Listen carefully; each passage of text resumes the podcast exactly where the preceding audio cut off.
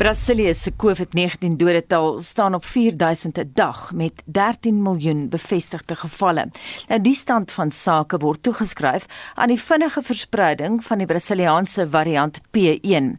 Wat die probleem vererger is dat dit nie die enigste variant is nie. Trouwens, die Brasiliaanse Gesondheidsinstituut Fiocruz het die week verklaar dat daar 92 variante van die koronavirus in die land is.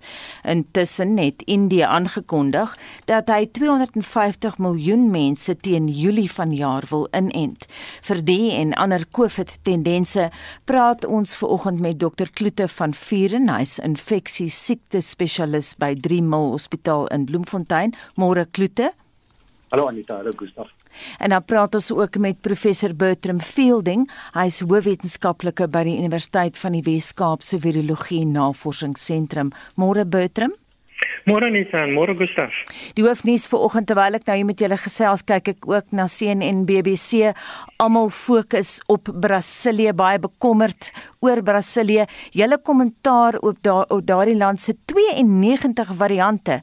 Is julle verbaas oor die koronavirus se vermoë om so vinnig te repliseer? Kom ons begin by jou Bertram en dan gaan ons na Kloete toe. Weet jy Anita, um, nie eintlik nie. Ons hou um hierdie koronavirusse elke keer as iemand ehm um, besmet word en die virus repliseer sal jy 'n mutasie sien. So variante is 'n normale proses vir hierdie koronavirusse. Ehm um, so 2092 ehm um, dink ek is nog is nog laag. Ons hoor nou selfs in Indië en en in Europa van variante ehm um, in 'n spesifieke virus wat verskillende mutasies het. Ehm um, in in baie ehm um, Uh, selde sal dit wees in dieselfde proteïene, ehm uh, belangrike proteïene, maar ons sien dit nou al meer en meer. So dit is nie verbasend nie. En Kluto, hoe voel jy daaroor hierdie klomp variante in Brasilië? Kan 'n mens dit vergelyk dan met hulle met hulle syfers basies? Ja, ek kan verseker so goed. Daarvan ek dink jy weet dit vir enige gesondheidswerker traumaties om in 'n stelsel te werk waar daar nie kapasiteit is om vir die mense te sorg nie. En en vir die gemeenskap ook, nee. En hierdie is nou 'n baie duidelike demonstrasie van wat gebeur as jy net alles ignoreer. Weet jy, jy het nou weer met nou aansteeklike variante, maar jy het 'n samedromming van mense, het geen maskers nie, geen inperkingsmaatreëls nie. Wat verwag jy, jy weet? Ehm um, lande met strenger inperkings waar daar geen maat van beheer was oor die verspreiding van uh, of in in lande waar hulle die COVID beter beheer het, se ekonomie het beter gedoen ten spyte van hulle strenger inperkings. So net sê jy doen dit vir ekonomie doen jy niks sien ons nou hiervan. Jy weet Engeland het baie streng inperkings gehad, maar ook ook dan 'n nou indrukwekkende immunisasieprogram. En die Engelse pubs gaan van volgende week af weer oopmaak. Hmm. Jy weet dit is wat jy kry daarmee terwyl as jy maak soos in Brasilië aangaan, dan sien party mense praat van 'n genocide. Ek is nou bly jy verwys spesifiek na daai punt wat jy gemaak het klote oor die ekonomie, want dit is presies wat Jair Bolsonaro sê dat hy doen dit vir die ekonomie. Maar kom ons gaan na 'n ander deel van die wêreld. Indië het ook nou vir die eerste keer meer as 100 000 koronagevalle per dag. Hoe groot gevaar staan die land om soos Brasilië nuwe variante te ontwikkel, Bertram? So net soos ek gesê het, variante sal jy altyd kry. Ehm um, wat ons moet onthou, 'n beheermaatreëls is verskriklik verskriklik belangrik. Virusse en ek is van die skool van denke wat wat wat, wat sê virusse sal muteer om makliker te versprei, maar hulle raak nie noodwendig dodeliker nie. So beheermaatreëls is verskriklik belangrik. Die distansiering, die ehm um, die maskers, die reiniging van hande. En en as ons dink aan Brasilië, as ons kyk na die getalle, sien ons verskriklike groot getalle net na karnaval en en partytjies. So dis nogal 'n groot probleem. Mense nie beheer maatreëls toepas nie. Ek wil tog vir jou vra uh, beide Bertram en Kloete, jy sê nou, maar jy gebruik die woord noodwendig, so jy kwalifiseer daai stelling dat die variante is nie noodwendig meer gevaarlik nie, maar daar is kenners wat sê dat die Brasiliaanse variant, ek praat nou van die P1, baie gevaarliker is as die normale koronavirus. Wat uh, sê jy daaroor Kloete? Ja, dit is dis 'n baie genuanceerde stelling Anita. Ehm um, kom ek noem vir 'n voorbeeld in Italië het hulle hier begin van Februarie het hulle beide die uh Engelse variant en die Brasiliaanse variant gehad en daar's enkele gevalle van die Suid-Afrikaanse variant ook. En nou teen die einde van Maart het daai Engelse variant die uh Brasiliaanse variant heeltemal uitgekompeteer. Dis nou feitelik net die Engelse een wat jy sien, die Brasiliaanse een kon nie die mas opkom nie. En die Suid-Afrikaanse een het sommer net in verdwyn. So daar sit jy sit sit jy by 'n baie mooi situasie waar jy goed in dieselfde populasie het en jy kan sien watter een in aanhalingstekens wen. Jy weet so dit is 'n bietjie 'n moeiliker ding om te sê die een is dit, jy weet jy as jy dit goed saam sien is dit wat jy kry. So ek dink dit is dis 'n bietjie meer kompleks en is vir my ek dink Bertram is 'n baie beter ou om hierdie vraag te antwoord. Hmm. Ons gaan vir Bertram vra want Bertram soos jy nou sê die die variante beklei teen mekaar soos 'n wedloop teen mekaar om te kyk watter een wen soos soos wat Kloete sê, maar is is dit moontlik dat hulle kan dodeliker wees of is dit nie bewysbaar nie? Uh, Gustav weet jy, um, soos Kloete sê, dis 'n baie interessante vraag en as jy kyk na Brasilië spesifiek, uh, praat ons nou van in jonger mense ehm um, dodesyfer wat 7% hoër is uh, van um, as gevolg van hierdie nuwe variant. Maar as ons kyk na hoë risiko mense, ouer mense met komorbiditeite, sien ons 7 tot 10% minder dode getal in in, in hulle. Ehm um, so is dit regtig die variant self of is dit die jonger mense wat karnaval het en wat partytjies het sonder beheermaatreëls? So vir my die die ehm um, toename in dodesyfers in Brasilië is nie verwant aan die variant spesifiek nie maar aan die beheermaatreëls en hoe mense dit toepas of nie. So Kloete, hoe voel jy oor daai punt dat dat net omdat die nuwe variant makliker versprei, gaan meer mense dit noodwendig kry en dan statisties gaan daar meer mense doodgaan? Ja, nee, verseker Gustaf, jy weet as jy ehm um, 'n eenheid wat 50% meer dodelik is, teenoor een wat 50% makliker versprei, dan een wat 50% makliker versprei amper 10 keer die hoeveelheid sterftes omdat daar net soveel meer mense. En as ek dink dit is presies die punt. Weet nou, ek dink mense sien hierdie storie van jonger mense wat siek word en ernstig siek word veral in in Europa en Engeland en in Amerika ook nou. En die rede daarvoor is dit eenvoudig die ouer mense is, is ingeënt. Mm. En dan word hulle nie siek nie. Hulle kan nie doodgaan met ons in aanhalingstekens want hulle is ingeënt en al wat oorbly is nou die jonger mense wat kan aansteek en wat kan siek word. So dis nie so baie meer nie, maar dit is die jonger mense. En ek dink dit is meer so 'n klemverskywing in die hele pandemie as gevolg van die inenting en van gedrag soos Bertram reg. Dit klink of Bertram saamstem, maar ek is weer eens bly maak daai punt kloete, want die BBC het gister geskryf dat ouer mense wat die Oxford AstraZeneca inentings ontvang het, baie goed gereageer het daarop. Dit het hospitalisasie met tot 80% gesny Bertram. En um, Anita dis basies wat al hierdie enstowwe op die oomblik in gemeen het, ehm um, dat dit hospitalisasies en dodesyfers ehm um, baie baie drasties sny. En ons moet ook onthou, ehm um, mense wat voorheen besmet was, veral dis die afgelope 5 tot 6 maande, hulle sal ook immuunwees teen hierdie virus, selfs baie van die variante. So ek dink die die ons ons is op 'n baie goeie voet op die oomblik. En daar gepraat nog steeds van die inentings. Ons ons het nou nog verwys na Indië, ehm um, klote. Hulle beoog om teen Julie verjaar 250 miljoen van die burgers in te en daar's geweldig baie mense in daardie land. Dink jy dis haalbaar gegee vir die feit dat byna 80 miljoen Indiërs reeds die inenting ontvang het en en en jy kan dit deurtrek na ander lande soos Suid-Afrika en en ander lande in die ontwikkelde wêreld? Nou kyk aan die een kant vir diplomatie voer hulle van 'n enstof uit en nou vir dieselfde prys moet hulle van Rusland en China invoer om om daai getalle op te maak. Oor 50 miljoen mense is minder as 20% van hul bevolking. Om regtig 'n verskil te maak, sal dit baie meer moet wees en of hulle gesondheidstelsel dit sal kan doen ons sal maar moet wag en sien weet ek is nie so vol vertroue nie. Mm en van Indië gaan ons terug na Brittanje toe Bertram die in Brittanje het hulle nou Oxford AstraZeneca inentings op kinders gestaak. Nou dit is nadat die Europese Medisyne Agentskap gewaarsku het oor die moontlike neeweffekte wat bloedklonte insluit. Ons het vlugtig hieroor gepraat so 2 weke gelede. Wat is die jongste inligting daaroor? En ek, ek het net gisteraand gesien dat die regulasies die regulator in in die um, in Europa het gisteraand gesê dat dit die bloedklonte moet as 'n baie rare neeweffek ehm um, uitgewys word en dit is nou bevestig. Die getal is nog altyd klein, so die die risiko ehm um, is is is klein maar die risiko is wel daar um, met hierdie enstowwe op die oomblik. En daardie getal, ek weet nie of jy weet wat dit is nie, is dit iets soos 'n paar honderd mense wat die bloedklont gekry het teenoor miljoene? Dit ja. klink asof dit ehm um, 'n um, paar honderd is teenoor die honderde miljoene wat ons nou al ingeënt het. So die risiko soos ek sê is is laag en um, ek is ek is oortuig as ons ehm um, die ander enstowwe vir 'n langer tyd nou uh, bestudeer, sal ons ook ehm um, hierdie neeweffekte of verskillende neeweffekte sien. Dis mal deel van hierdie fase 4 wat ons amper in is. En hy het gepraat daarvan klote. Intussen is dit interessant ook dat ouer mense wat nou hierdie AstraZeneca inenting ontvang het reeds baie goed gereageer het daarop. En dit het die hospitalisasie met tot 80% eh, gesny. Verbaas dit jou? Ja, nee, kyk, daar's geen sterftes onder ouer mense nie. Vergeet die 80% minder siektes. Geen sterftes. En beide, onthou Gustaf, dit verminder die aansteeklikheid van die wat wel siek word. So dit jy 'n dramatiese afname in aansteeklikheid. So gouer ons die ouer en die risikobevolking vakseer, hoe gouer kan hierdie ouers weer langs die sportvelde staan en op die arme skeieregter en afrigters skree.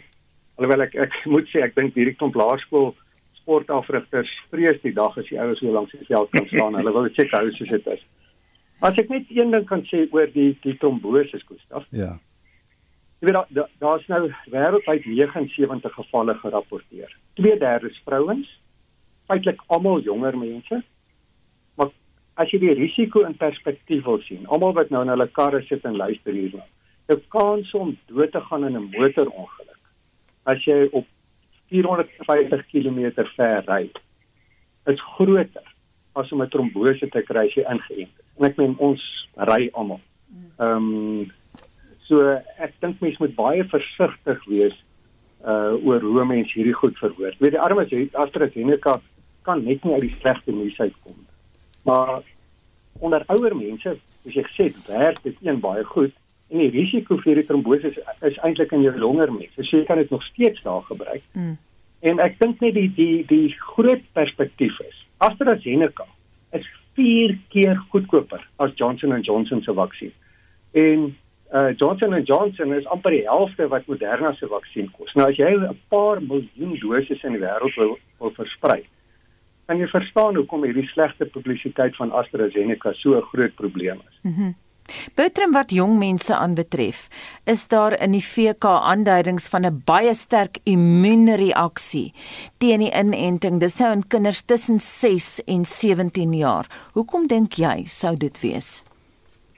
En te onthou, ehm um, jonger mense het 'n baie sterker immuunstelsel as ons vergelyk met babatjies of met ouer mense. En dis ook hoekom die virus so verskillend ehm um, verskillende reaksies het in in die verskillende ouderdomsgroepe. So dis dis 'n baie goeie ding as jou enstowwe ehm um, sterk immuniteit ehm um, amper stimuleer. So dis nie verbasend nie en en dis wat ek nogal verwag. En ek glo dit terselfdertyd het die BBC gewaarsku dat ouer mense 16% meer geneig is om 'n neurologiese of sielkundige toestand op te doen na COVID-19. Het jy enige kommentaar daarop? Jy werk self met pasiënte. Ja, ek dink uh, Gustav daai studie was 'n uh, ek dink 'n so 'n database met so 240 000 uh, mense. So dis nie weet hulle nie fisiese pasiënte gesien nie. Hulle het net op hulle database gaan kyk wat gebeur met hierdie mense. Ehm um, maar in die praktyk sien ons dit. Ons het 'n kliniek waar ons ons uh, pasiënte wat opgeneem was met COVID opvolg. Uh en dit is baie duidelik dat die goed wat ons sien is angsversteurings, depressie, uh posttraumatiese stressindroom wat party mense ontwikkel nadat hulle herstel het. Nou ehm um, daar is ook uh, in hierdie studie en en wat ons weet van is beroertes wat voorkom met pasiënte wat COVID gehad het, maar dit is baie min. Die groot ding is hierdie sal ek meer sê psigiatriese toestande, nê. Die angs en die depressie en die, die posttraumatiese stres. Ehm um, nou uh, weet ek kan nie dink hoekom jy met die virus jou immuniteit wil kry uh as jy deur ingeënt te word dit kan voorkom en al hierdie komplikasies van voorkom. Uh ons gaan nog verstom staan oor al die nonsens wat oor die vaksines kwyt geraak word.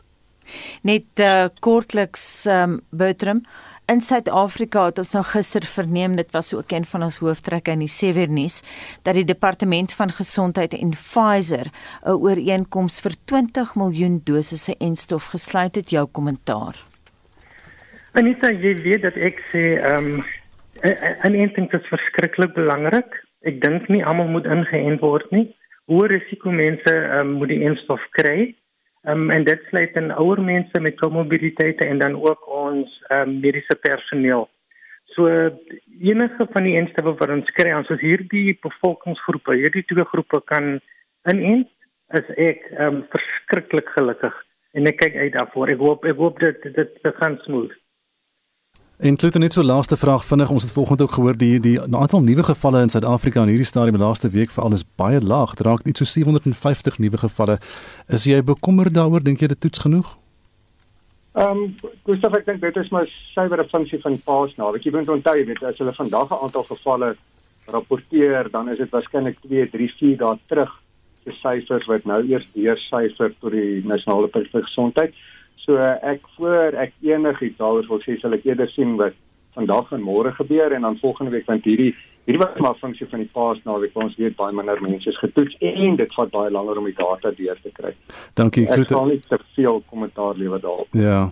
Dr. Kloete van Vieren is 'n infeksie siekte spesialist by Drie Militêre Hospitaal in Bloemfontein en 'n professor Bertram Fielding, hoofwetenskaplike by die Universiteit van die Wes-Kaap se Virologie Navorsingsentrum met wie ons vanoggend hier gesels het. En van een probleem na ander, die Metaalwerkersvakbond NUMSA het die staande komitee oor openbare rekeninge, oftewel skoor gevra om die departement van openbare ondernemings verantwoordelik te hou vir SAL se probleme.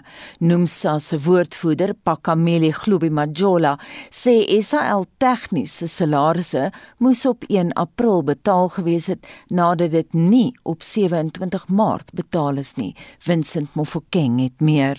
Die sperdatum van 1 April is ook nie nagekom nie. Globi Majola sê die departement van openbare ondernemings gee werknemers ook geen aanduiding wanneer die 2,7 miljard rand aan begunstigdes van die lugdiens oorhandig gaan word nie. Workers at both these subsidiaries are suffering because of the non-payment of salaries. SAAT management had initially promised that salaries would be paid by the 1st of April after failing to pay salaries on the 27th of March. But as things stand, not a single worker at SAT has been paid and there's no clarity or direction from the executive management about when this will be resolved. Workers have simply been left in limbo and they are forced to fend for themselves. Workers at airships are suffering an even worse fate because they've not received any income since October last year. They've been depending on government's temporary employee relief scheme since March 2020 when the travel ban and the lockdown were implemented. They face an uncertain future because government has outlawed the sale of food on flights, which means air chefs as an airline catering company is unable to generate revenue for an indefinite period of time. The UIF has denied them TERS on the basis that they are not on the list of companies which have been identified as requiring relief. We've taken this up with the UIF and we've appealed this decision. We're expecting an outcome from the UIF on this on the 6th of April 2021. Nomsa het vroeër met die kommissie vir versoening, bemiddeling en arbitrasie samesprekings gevoer. DPE failed to make provision for subsidiaries in the business rescue plan and what is worse, it has not lifted a finger to ensure that employees are taken care of whilst SAA's restructuring has been ongoing. DPE ignored Numsansaka last year when the unions raised very sharply the absence of funding allocation for subsidiaries during the engagements we were having with them with the Leadership Consultative Forum. They later proceeded to blackmail workers at SAA into sacrificing money which was owed to them to cover up for this blunder by forcing them to sign settlement agreements relinquishing their right to a portion of the financial claim owed to them in outstanding salaries. We've instructed our lawyers to assist our members to recover the money which is owed to them at SAT. We also hope that the UIF will make a finding to provide tours for employees at airships. Intussen sal Nomsa ook aan skoor skryf om 'n onafhanklike ondersoek na die SAL en die sake reddingsproses te doen. We will be writing to Scopa to request that it conduct an independent inquiry into SAA in the business rescue process. We believe the financial statements will demonstrate that the mismanagement and rampant wastage which bedeviled the airline and its subsidiaries prior to its collapse continues under the watch of the DPE and the BRPs. Their failure is causing serious harm to employees, and SCOPA cannot allow the minister to get away with failing to account to the public. It is disgraceful that in the period that the BRPs have been in charge, they've earned millions whilst workers starve. Dit was Pakamile Hlubi Majola, die woordvoerder van NUMSA. Ek is Vincent Mufokeng vir SAK nuus. Estie ons het nou in diepte gesels oor COVID met twee kenners, maar ons wil ook vanoggend weet wat was ons luisteraar luisteraars se ervaring van uh, die toestand en siekte. Anita Petro Potgieter van Welkom skryf ons ek het twee susters aan die dood afgestaan 3 weke en 3 dae uitmekaar uit as ook 'n susterskind 'n maand voordat my susters oorlede is. En Frikkie Jones sê vir ons van die 10 dae in isolasie was ek 2 dae regtig siek. Ek het my stil gedra. Die 5 maande daarna sover is vir my baie moeilik. Baierigheid, moegheid en vergeetachtigheid. Dis meer frustrerend as die 10 dae in isolasie. En Elsa Joubert sê ek het my man in Januarie verloor deur die virus en daarna het ek dit ook gekry. Ek het my kinders na hulle huise teruggestuur en deur die Vader se genade het ek daardeur gekom. Ek het geweier om hospitaal toe te gaan want my man is dood in die hospitaal. Ek kon nie ruik of proe nie en is nog nie heeltemal reg nie, maar ek is baie beter. Ek moet myself steeds dwing om te eet want ek is glad nie honger nie. En app van Bloemfontein laat weet vir ons ek het my vrou in Januarie verloor deur COVID-19 en die leemte voel ons nog elke dag. Ek en my dogter is alleen in die huis. Ons kry berading en dit gaan goed met ons danksy ons hemelse Vader. En dan sê Dirk Dankerbol, ek het my besigheid en toe my huis en toe my motor verloor as gevolg van die inperking. Ek het nie in Desember positief getoets vir die virus nie, maar die ekonomiese gevolge is vir my baie erger as wat die virus was.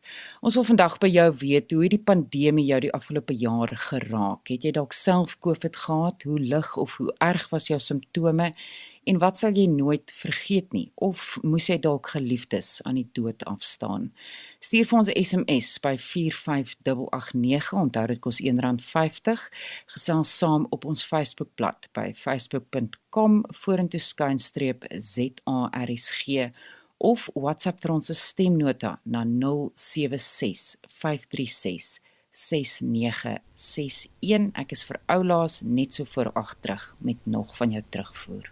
Van die beste swemmers in Suid-Afrika, waaronder Chad, Chad Leclou en Tatiana Skoenmaker, het na Kabega ofterwel Port Elizabeth in die Oos-Kaap gestroom, nie net om aan die Suid-Afrikaanse nasionale akwatiese kampioenskap deel te neem nie, maar ook om hulle kaartjies te bespreek vir die 2021 Olimpiese spele in Tokio later vanjaar.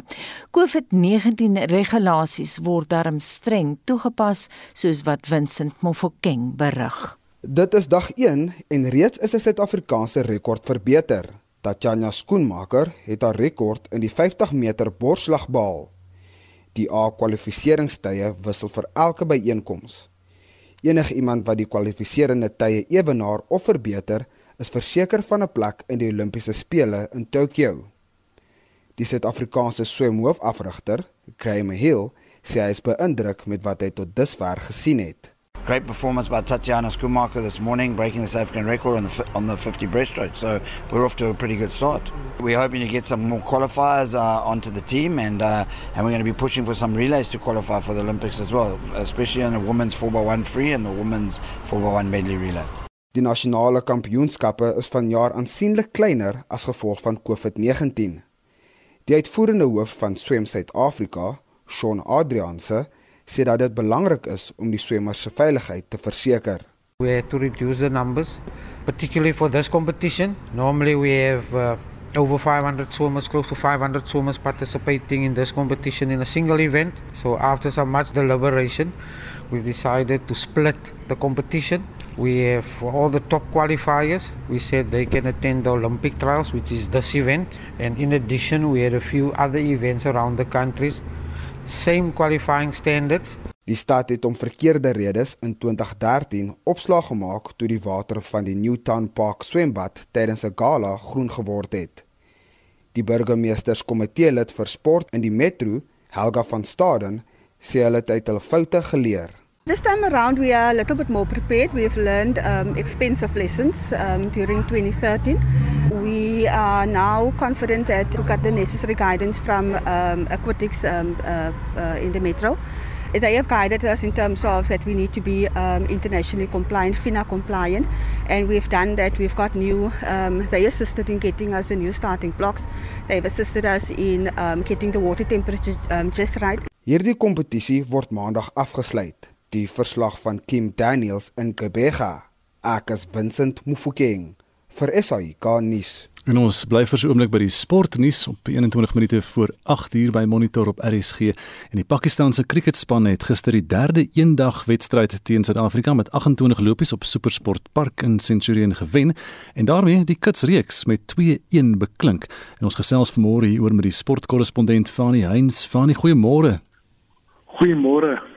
So Pakistan het nou eers gekolf en uh, sy middelorde kolwers daar in 'n stadium nie vloeiend gekolf nie. Waar het dinge begin skeefloop vir die Proteas? Ja, Gustav Fakar Zaman het 101 van 101 balle gemoker en Imam Ulhaq 57 bygedra. En maar van 214 vir 2 in die 38ste boubeurt tot 257 vir 6 in die 46ste beurt, soos jy gesê het, het die tyd Suid-Afrikaanse draaiers Keshav Maharaj en Aiden Makram die handbreek aangedraai, maar ongelukkig Gustaf het die Proteas gefouteer deur die draaiers uh, in te span tot en met die 49ste beurt. En Babar Azam en Hassan Ali het 63 lopies geslaan van die laaste 4 beurte om Pakistan na 300 en 20 vir 7 te moker. Uh, Azam het 94 bygedra. Hoed af vir Maharaj, hy 3 vir 45 geneem en Makram het 2 vir 48 ingeoes. Nou, Suid-Afrika daarna goed begin natuurlik, maar hoe het Pakistan toe nou later beheer oorgeneem? Ja, Suid-Afrika het baie verdienstelike kolvertonings gelewer. Uh, Mense dink aan 50 talle deur Janeman Malan wat 70 geslaan het, 62 deur Kyle Terrain en 54 deur Andile Pesikwayo. Daar was eintlik twee keer keerpunte in die wedstryd. Ehm um, Gustav die linksdraaier Mohammed Nawaz het in die 24ste beurt ontslaag geraak van sowel Malan vir 70 as die kaptein Temba Bavuma wat gebou is vir 20 en kort daarna het hy ook Heinrich Klaas en beenvoetpaaltjie trap vir 5 en op 140 vir 5 in die 28ste beurt was Suid-Afrika kniediep in die knyp.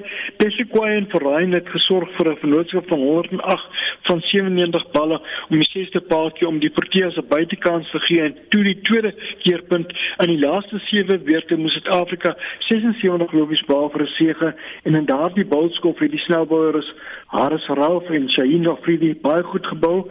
Uh en um, Rauf het ontslaag geraak in die 44ste beurt uh van Verrain en kort daarna het Pashikwayo die slagoffer geword van Hassan in die 45ste beurt. En Suid-Afrika het in sy volgende 3 paaltjies dat hy in 5 beurte verloor vir die verdere toevoeging van net 44 lopies en is uitgehaal vir 292. So van Suid-Afrika wat nou hierdie reeks verloor 2-1 neem Pakistan het, maar was daar vir jou pluspunte vir Suid-Afrika? Ja, Gustav sommer enige twyfel. Mense moet onthou die Proteas moes sommer 6 van hulle eerste keuse spelers klaarkom in die beslissende wedstryd. 5 is afgestaan aan die Indiese Premier Liga en die 6de speler Rassie van der Dussen is op die vooraand van die derde wedstryd beseer en dan moet moet mense net byvoeg dat Demba Babuma het 'n duisbeerbesering opgedoen, 'n ernstige duisbeerbesering terwyl hy gekolf het. So sit maar desondanks is Suid-Afrika uh, eh, 292 bereik. Hy het hoop op diepte in sy kolvleis en hy beskik oor die vermoë om in elke eendagswedstryd 300 lopies of meer te slaan. Daarby die linksdraaier Maras geskitter en ek mens met byvoeg as hy gespeel het in die eerste wedstryd het waarskynlik het Suid-Afrika waarskynlik die reeks gewen. As daar een groot tekortkoming is Gustaf, is dit die ondersteunende naadbouwerk vir Kagiso Rabada en Andries Nortjie. Veral Suid-Afrika se beheer en dissipline met die bal in die laaste 5 beurte is 'n bron van kommer en moet baie gou reggestel word. En nou, wat is uh, volgende aan die beurt wat cricket betref?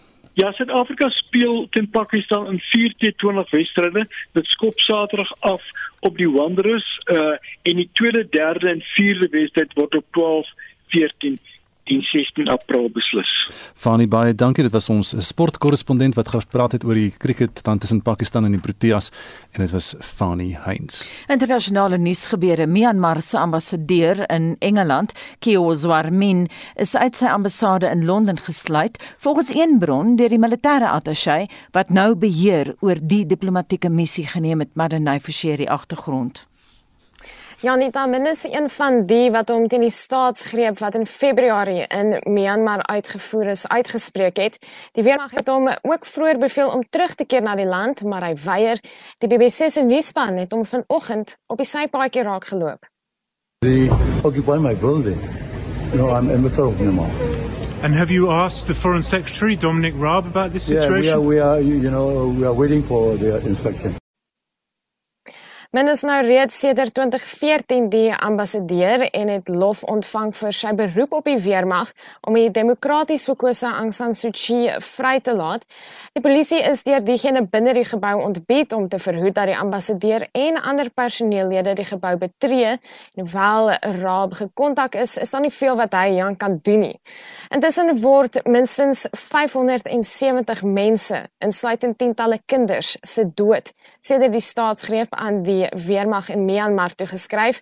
Die voormalige burgerlike regering gaan die VN hieroor nader en word verteenwoordig deur die prokureur Robert Volterra.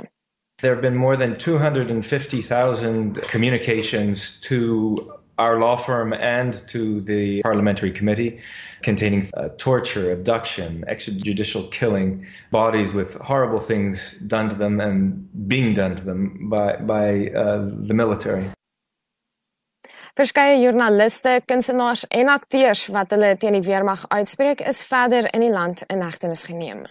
Ons het vroeër vanoggend in 'n onderhoud daarna verwys, maar vir luisteraars wat dit gemis het, Britse en Europese in Europese navorsers het nou bevestig dat daar toenemend bewyse is dat die gebruik van AstraZeneca in jong mense in baie skaars uiters skaars gevalle kan lei tot bloedklonte waarvan sommige noodlottig kan wees. In Brittanje gaan ander enstowwe nou aan burgers onder 30 gebied word. Ja, die Europese Mediese Agentskap sê verder die voordele van AstraZeneca is meer as die nadele, maar dat diegene tussen 18 en 29 meer vatbaar is vir hierdie bloedklonte. Brittanje se adjunk hoofmediese beampte professor Jonathan Vantam beklemtoon intussen dat inentings belangrik is. Vaccines continue to be the way out for the UK they continue to be the way in which we can get our lives back to normal and our economy opened up again in the shortest time possible.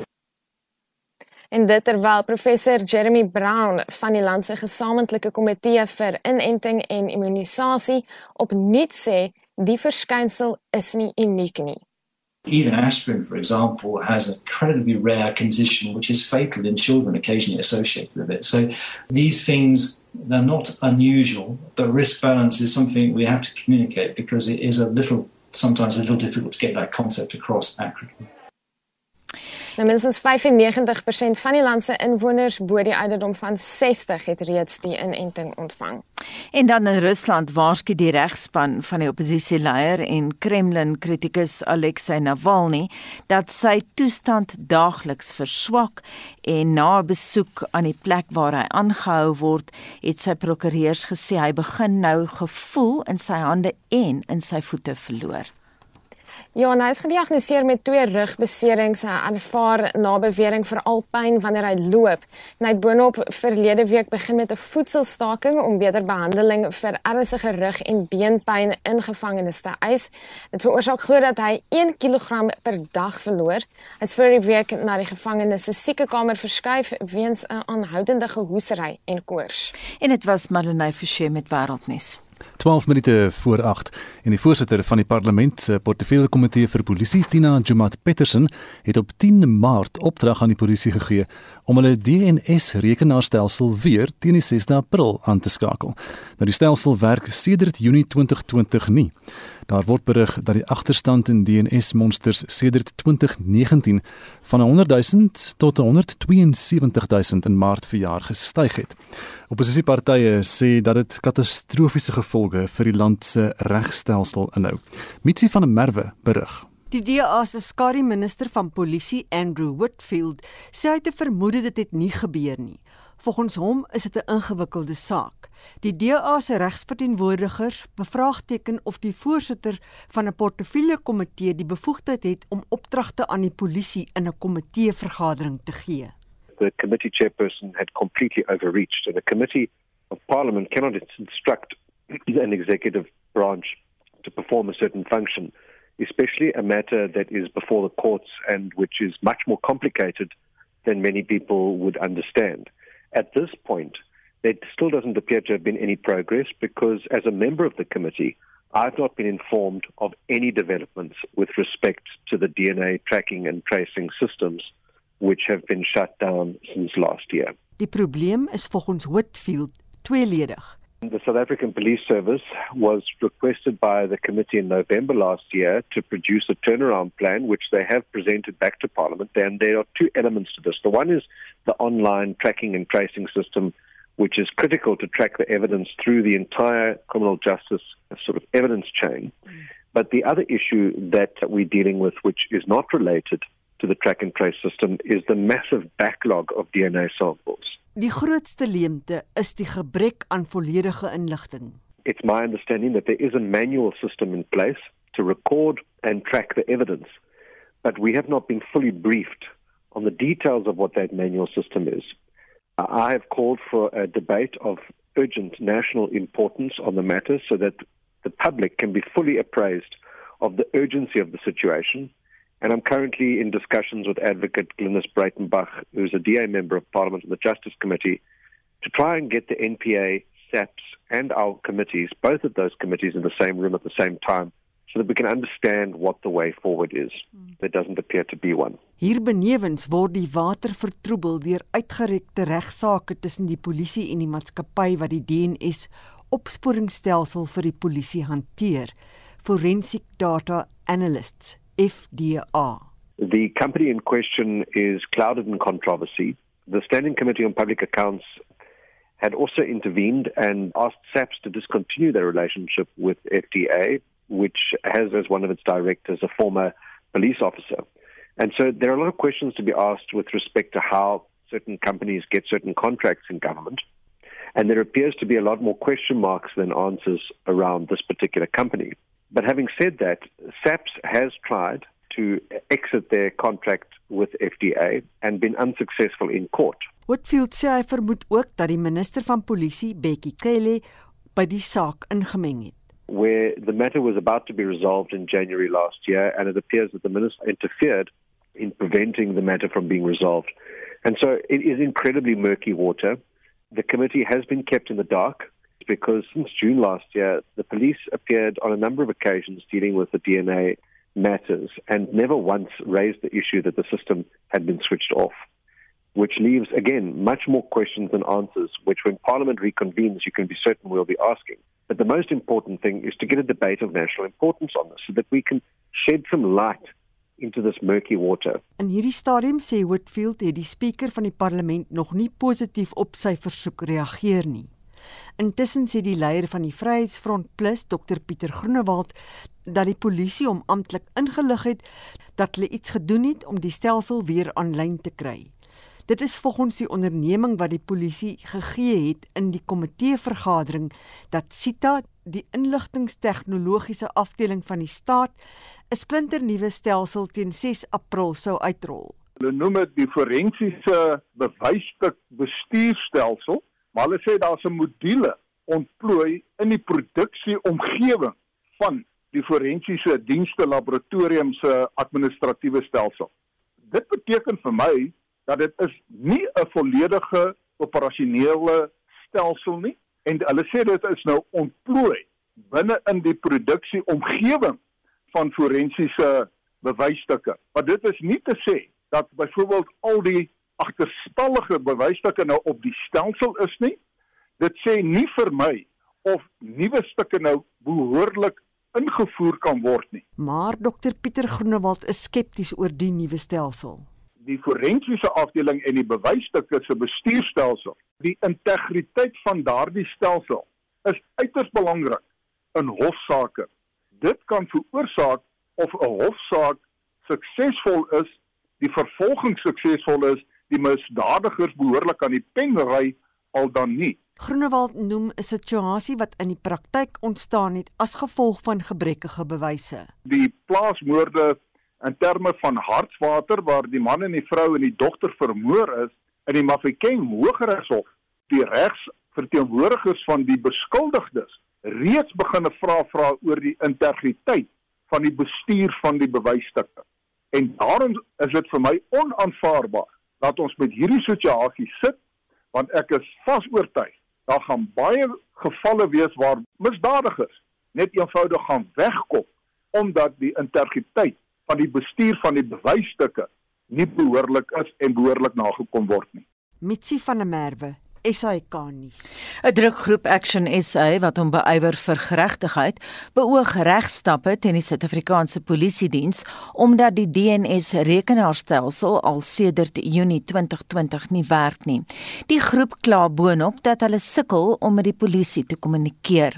Dr Renay Pretorius, woordvoerder van Action Society, het hulle dilemma aan Mitsi van der Merwe verduidelik die belangrike ding om te verstaan is dat 'n ketting is net so sterk soos sy swakste skakel en in hierdie geval is die eerste en die swakste skakel die vertraging van DNS uitslaa. So die agterstand en onverwerkte DNS monsters was volgens die DNS raad in November 2020 al reeds op 117000 waarvan 92% daarvan is seksuele oortredingssake. Nou ja, op 2 Maart hierdie maand het die DNS raad teruggerapporteer aan die uh, parlementêre portfolio komitee vir polisie het hierdie getal dan al toegeneem met meer as 50000 tot 172787. Ons het ook te hore gekom dat daar in Januarie en Februarie geen verwerking van DNS monsters gedoen is nie. En dit is regtig 'n verskriklike groot probleem. En jy het nou sopas genoem van die stelsel wat afgeseder Junie verlede jaar. So dit is 'n tweede bekommernis en dit is dat hierdie rekenaarstelsels wat die bewysstukke van die polisie se forensiese laboratoriums bestuur weens 'n dispuut oor kostes en wanbetaling al sedert Junie 2020 afgeskakel is. So dis amper nou al 'n jaar. Die effek daarvan is die oorhandiging en verwerking van DNA-toetse en ook alle bewysstukke op die oomblik word hanteer en rekordhouding word gedoen deur middel van 'n papierregister en dit is regtig baie problematies as dit kom by die bewaringsketting want as hierdie stelsel nie in plek is nie, stel dit die bewaringsketting totaal op bloot en die geloofwaardigheid van die bewyse in gevaar en ons is dan nou bekommer dat honderde duisende hangende verkrachtingssake en moordsake in die weegskaal is en moontlik van die rol geskat kan word as daar nie kan finalisering gekom word in hierdie sake nie. En daarom kan die slagoffers ook nie afsluiting nie want ons almal besef tog dat hofsaake bloot nie kan voortgaan sonder DNS bewys te ken. En dit is vir ons baie belangrik en een van ons goed wat gereeld sê is dat uitgestelde geregtigheid geen geregtigheid is in ons oor nie. Watter tipe van optrede gaan julle nou volg? Die voorsteur van die komitee vir polisie, minister uh, Tina Jomat Petersen, het hierdie DNS raad nou 'n maand gegee om hierdie stelsels weer in die gang te kry en te begin om hierdie DNS te sing se agterstand in te haal. En ons het nou probeer uitreik na hulle toe vandag. Ons het probeer om net polisie woordvoerder in die hande te kry en om terugvoering te kry oor wat dan nou gedoen is in hierdie tussentyd en of die stelsel nou aan die gang gesit is en of die DNS agterstand dan nou aangespreek word. En ons kon nog geen verdere terugvoering kry nie. So ons gaan twee dinge doen. Die eerste ding wat ons wil doen as Action Society is ons oog om 'n paie aansoek in te dien teen die SAPD om die vorderingsverslag van die agterstallige toetse van die DNS raad te bekom sodat dit nie nodig is vir ons om elke keer te wag vir terugvoering wanneer hulle na voor die komitee vir polisie byvoorbeeld kom nie. So ons wil baie graag inligting kry oor die aanskakeling van die stelsel en hantering van die DNS agterstand en ons hoop dat die paie aansoek wel vir ons hierdie inligting sal kry. En dan die tweede ding wat ons dan nou oorweeg is Ons het ons regspan opdrag gegee om gereed te maak om moontlike formele klag teen die SAPD by die openbare beskermer in te dien waarop ons gaan fokus op kontrakbestuur en die toekenning van tenders en dan ook natuurlik nou hierdie FDA se of hierdie rekenaarstelsels en ja, ons ons hoop regtig dat ons binnekort sal vordering sien dat ons sal sien dat die wiele van geregtigheid begin draai. En so sê Dr Renay Pretoria, sy is woordvoerder van die burgerlike drukgroep Action Society. En nou het ons 'n bietjie kans vir laaste stemnotas van jou, die luisteraar.